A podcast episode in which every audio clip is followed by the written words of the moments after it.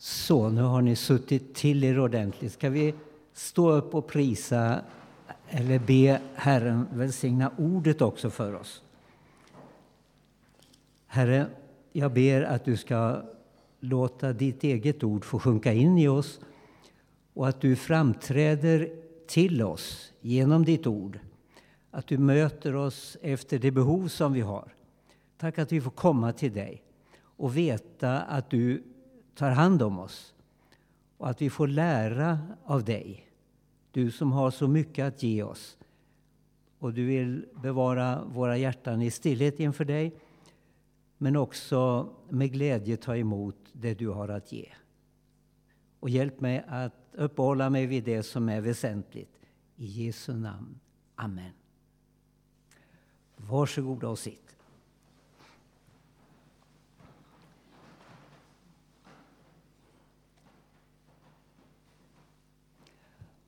Och jag tänker inte ha någon av texterna för den här eh, dagen som utgångspunkt.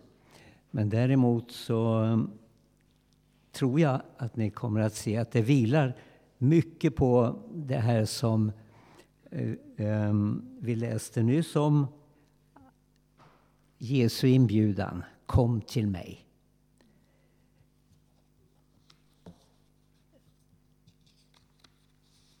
Jag, ja, jag kan säga jag har precis lämnat Lukas evangeliet och kommit en bit in i Johannes. Så det blir lite både från Lukas och Johannes evangelium. Men eh, i Lukas så tycker jag det är så fascinerande att se hur texterna väver samman och skapar en slags eh, förståelse texten före och texten efter.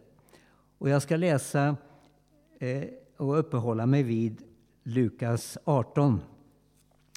Och tyvärr, jag gick ifrån min USB-sticka så ni får nöja er med att lyssna. Jag tyckte jag hade gjort det så snyggt och ändå så ligger den kvar på skrivbordet hemma. Eh, och man får väl se, det, det kanske är positivt det också. Ja. Eh, det är ju det jag kan avgöra när jag kommer hem sen. Då. Den omgivande texten till det jag ska läsa, jag ska läsa ifrån den nionde versen eh, och till den fjortonde om en stund.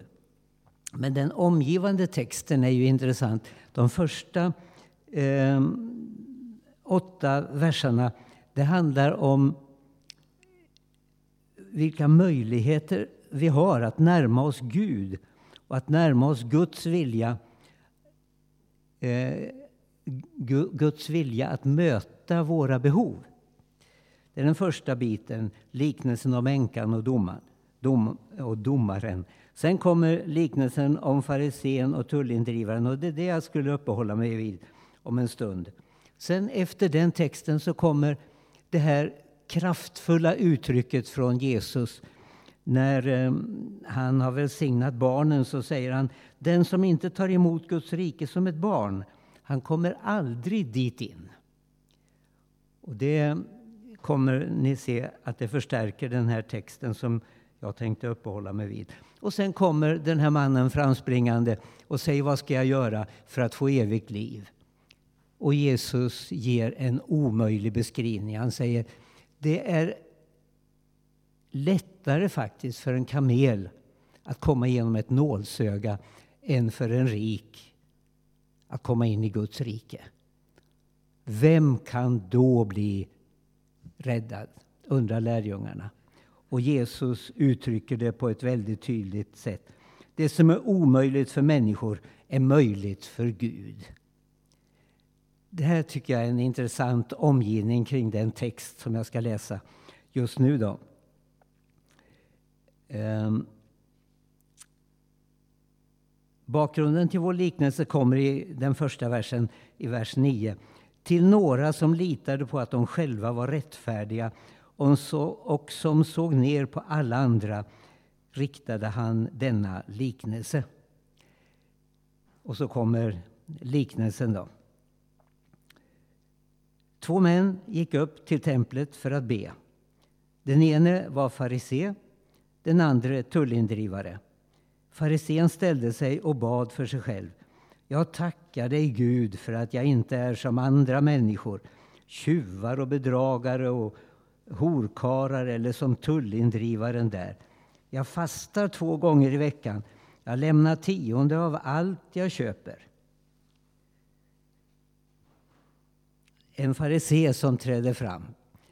Eh, Ordet har man diskuterat vad det kommer av, men förmodligen ordet avskild skulle vara det bästa att översätta ordet farisé med.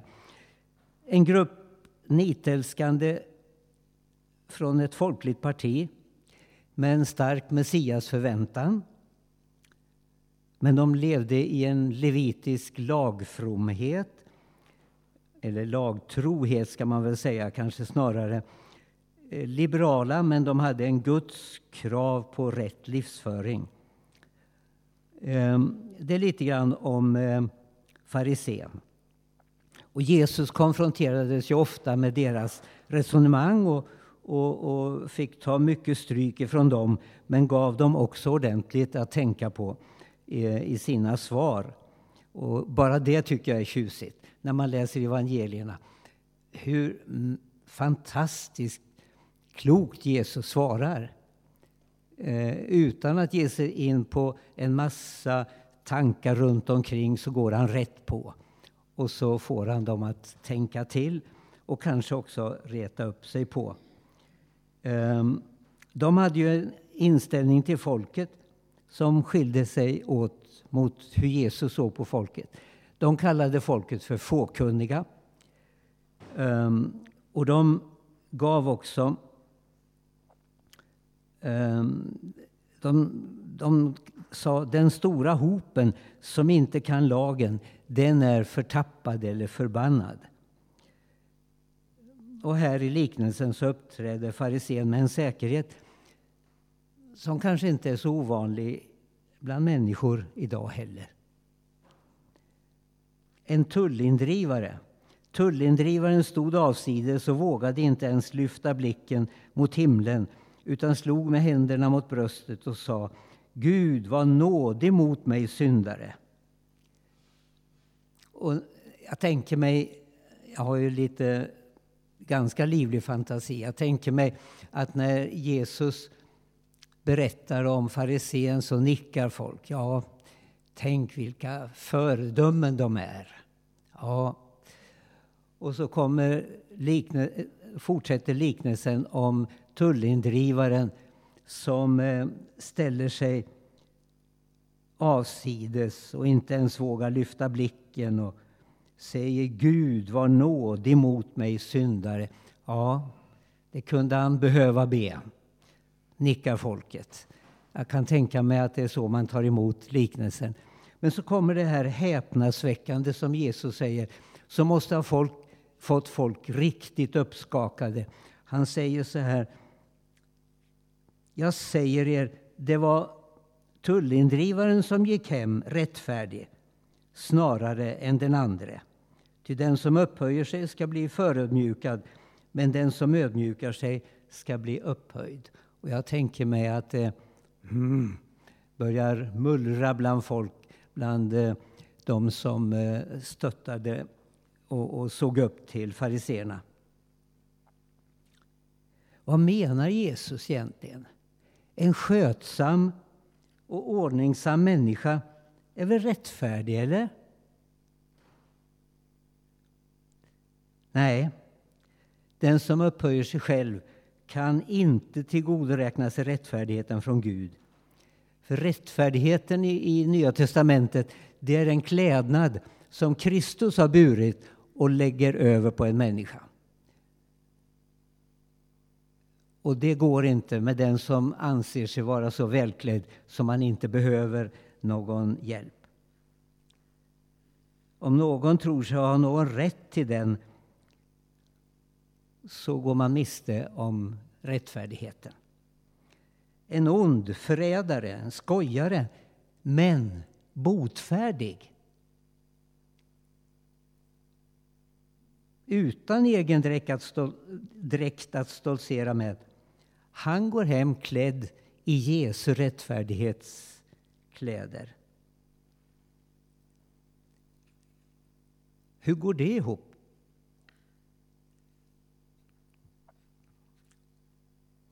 Nu säger inte Jesus att det onda i sig är något bra.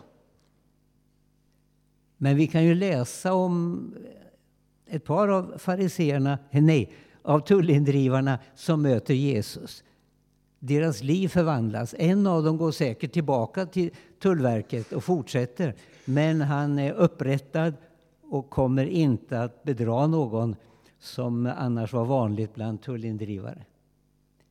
Hans liv blev förvandlad, Sakaios.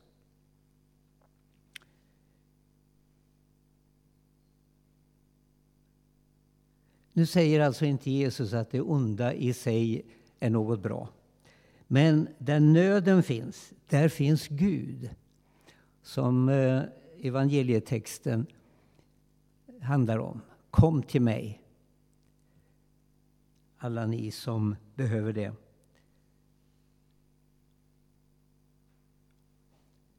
Jesus bevisade det här med sitt liv. Han åt med tullindrivare, han åt med de prostituerade, han åt och deltog i gemenskapen med dem som samhället såg ner på. Och det är ju inte för att acceptera deras livsstil eh, men för att erbjuda dem frälsning och möjlighet att komma till Jesus. Ehm, det är inte så enkelt för, för en människa att tänka riktigt på det sättet. Men jag skulle önska att Jesus sätt att verka också blir vårt sätt att vara. Jag tänkte på ett par saker. Jag var på väg till Radio Linköping. Jag har ofta återvänt till den bilden egentligen. Jag var på väg till, ehm, för, för ett förbönsprogram en lördagkväll. Och så hade jag lite gott om tid så jag tänkte okej, okay, jag tar en sväng förbi och ser hur PO har det. Det var en av eh, de här eh, volontärerna som vi hade på Bjärka Säby och som brukade alltid komma varje morgon eh, dit. Men vi hade inte sett honom. Det var en, han var alkoholiserad och, och hade det svårt. Han eh, hade inte varit på några dagar. Så jag tänkte jag måste titta till honom. Så jag åkte dit och, och um, knackade på, men ingen svarade. Och jag frågade grannarna om ni har sett honom. Nej, han hade inte varit synbar på flera dygn. Så jag ringde polisen och de kom dit och vi gick in tillsammans. Och där låg PO och hade somnat in. Och på, samtidigt så kände jag, och efteråt har jag också känt, han var inte ensam i dödsögonblicket, trots sin svaghet, trots sina, eh, sitt trassliga liv. Kristus var där. Det är jag helt säker på. Och jag kände en väldig trygghet när jag sen fick hålla i begravningen efter PO. Att Kristus, Jesus, hade sett den utslagne mannen och tagit hand om honom. Och jag har också återvänt till, och kanske har nämnt det någon gång tidigare också, till eh, mitt besök i Margita i Rumänien. Några av er har kanske varit där och hälsat på Lars och Barbro Gustafsson och deras arbete. I Sven Sverigehuset, som de kallar det för, där samlades de eh, ofta tillsammans med ungdomarna. Eh, och jag var, vi var med, Monica och jag var med där. Eh, vi satt tillsammans, vi sjöng lovsång tillsammans, ungdomarna med glädje. Och så tillbad vi Herren och delade nattvarden. Och så frågade jag Lars, men vad tar de här ungdomarna vägen? Det var ungdomar som världen inte brydde sig om. Inte samhället, ingen brydde sig om dem. Men Lars och Barbro gjorde det. Vart tar de vägen? Ja, de är ute på nätterna här och ställer till problem och bråkar och är riktigt störande, sa han. Ja, och här satt de med en glöd och känsla inför Herren. Ja, jag tror att det där var ett, ett, av de bästa exempel som jag har sett på det som eh, eh, det är väl Gamble, tror jag, han som startat Alfa-arbetet, säger vi behöver skapa en belonging, believing, behaving. Alltså först tillhörighet, sen omvändelse och sen ett nytt liv. Det var nog det bästa exemplet jag har sett. De fick en gemenskap, en fantastisk gemenskap. De hade ännu inte kommit till tro, men de växte i tron på Kristus.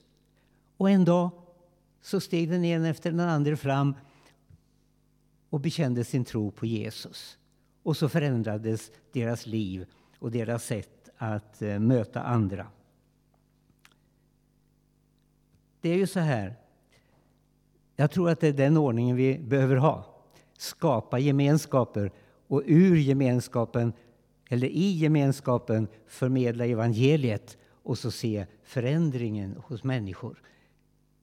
Eh, inte börja tvärtom. Nej, du får gå utan rättfärdighetens dräkt om du räknar med ditt lyckade liv som räddande. Och så säger ju Jesus, kom du som sörjer över din oförmåga. Kom till Jesus, han vill ge ett heligt liv. Man kan nämligen inte bli frälst genom att göra sitt bästa. Man kan inte bli frälst genom att göra dåliga saker heller. Omvändelsen, det ordet hade jag tänkt att det skulle ha stått här. Omvändelsen till Jesus Kristus, det är räddningen. Att vända om. Jesus utmanade många genom sitt möte med de törstande människorna. Han gav inte efter för synden i deras liv. Men han hade en öppen famn för dem. Jag tänker väldigt ofta på, och det beror väl på att vi hade några väldigt duktiga eh, skådespelare i församlingen i Linköping. De, de gjorde den här scenen när fariseerna kommer släpande på kvinnan och slänger henne framför Jesus. Och det sitter kvar där. Jag ser fortfarande hur de slänger Eva framför, framför eh, Jesus-gestalten där på scenen i Linköping. Eh, jag, tänkte, jag tänker ofta på den bilden därför att den är väldigt, väldigt lärorik för oss. Det finns så ofta, och, och du Thomas talade ju om, om eh, eh, syndakatalog lite grann för några söndagar sedan. Eh, och de tänkte väl, nu ska vi se hur Jesus förhåller sig till den här syndakatalogen, lagen i Gamla testamentet. Klarar han det här? Det var liksom deras avsikt när de kommer, kvinnan som hade, de hade hittat när hon begick äktenskapsbrott. Och så slänger de henne framför Jesus. Säger, vad, vad säger du? Skriften säger, lagen säger, hon ska stenas. Och så Jesu underbara svar. Ja, den som är utan synd får börja. Men det som är mest fascinerande, som jag älskar mest av allt, det är att när han tittar upp och säger, var det ingen som dömde dig? Nej, inte heller jag dömer dig. Men det finns en fortsättning. Han säger inte bara det. Han säger gå och synda inte mer. Nu skulle jag haft ett litet avsnitt om synd, men det har jag lämnat. Det vore mycket bättre att ha i ett bibelstudium och samtala om vad synd är egentligen och så vidare.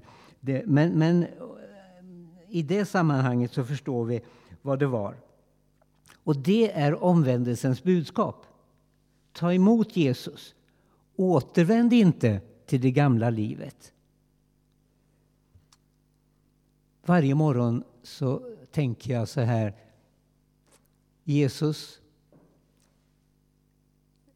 det som är det onda och som skulle vilja ställa till det för mig, det är korsfäst med dig.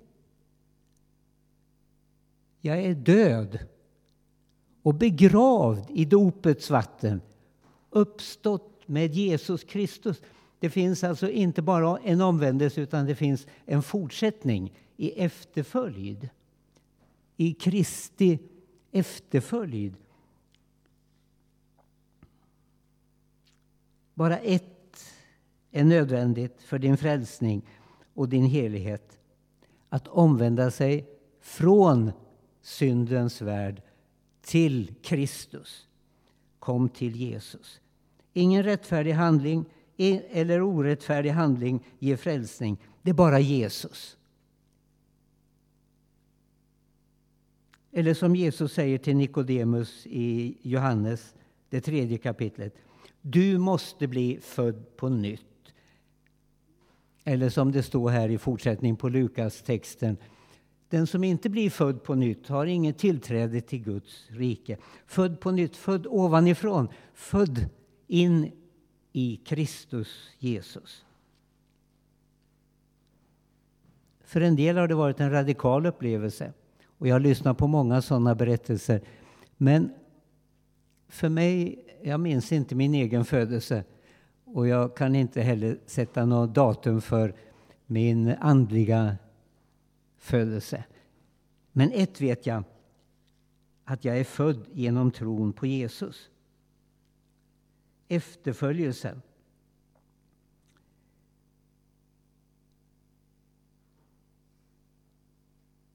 Jesus säger i eh, Johannes 15 så här. Bli kvar i mig, så blir jag kvar i er.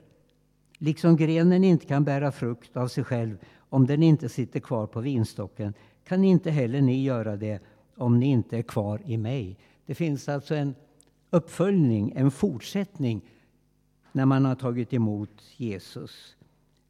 Um, en efterföljelse.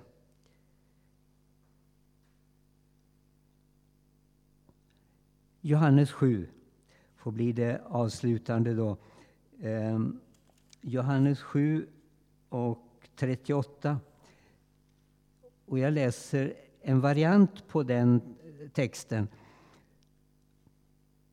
Den som tror på mig, som skriften säger, ur hans inre ska flyta strömmar av levande vatten.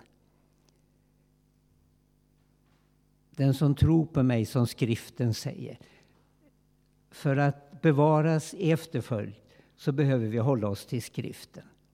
Läsa, studera, umgås med och samtala om. Och så se hur någonting växer inom oss.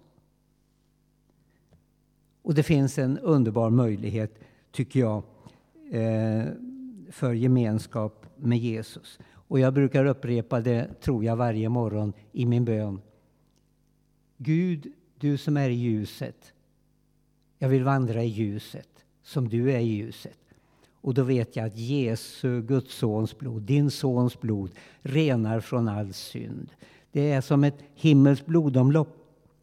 Man hämtar in frisk luft och så blåser man ut det som har gått genom blodomloppet för att rena kroppen. Ungefär så tänker jag mig mitt liv tillsammans med Jesus. Att få leva i renhet som han vill att jag ska göra. Det finns så mycket av orent och dåligt handlande som faller över oss idag. Och önskan att vi ska följa olika vägar hela tiden. Och det har funnits alltid och det finns idag. Och hur underbart det är att säga jag vill följa Jesus. Vad som än händer vill jag följa Jesus.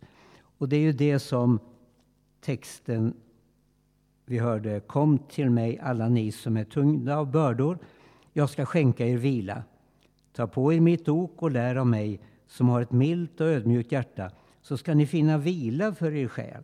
Mitt ok är skonsamt och min börda är lätt. Kampen är inte värre än att Jesus kan hjälpa oss. Och det vill han göra. Får jag bara foga in en reklamgrej här också. Det finns de som har det mycket värre än vi. Om ni vill höra om det så är det ikväll klockan 18 i Pingstkyrkan. Um, Open Doors kommer att vara där och berätta om det, hur, hur människor kämpar runt om i vår värld. Eh, så välkomna dit. Tack Herre för att du har öppnat en väg för oss att vandra tillsammans med dig. Och tack att du har visat oss att det inte är våra egna gärningar, varken de goda eller de onda, som kan föra oss fram till dig, utan bara överlåtelsen i din hand. Och därför vet vi att också varje dag innebär att vi får vandra tillsammans med dig. I glädje, strömmar av levande vatten i oss, strömmar av levande liv ifrån dig. I Jesu namn. Amen.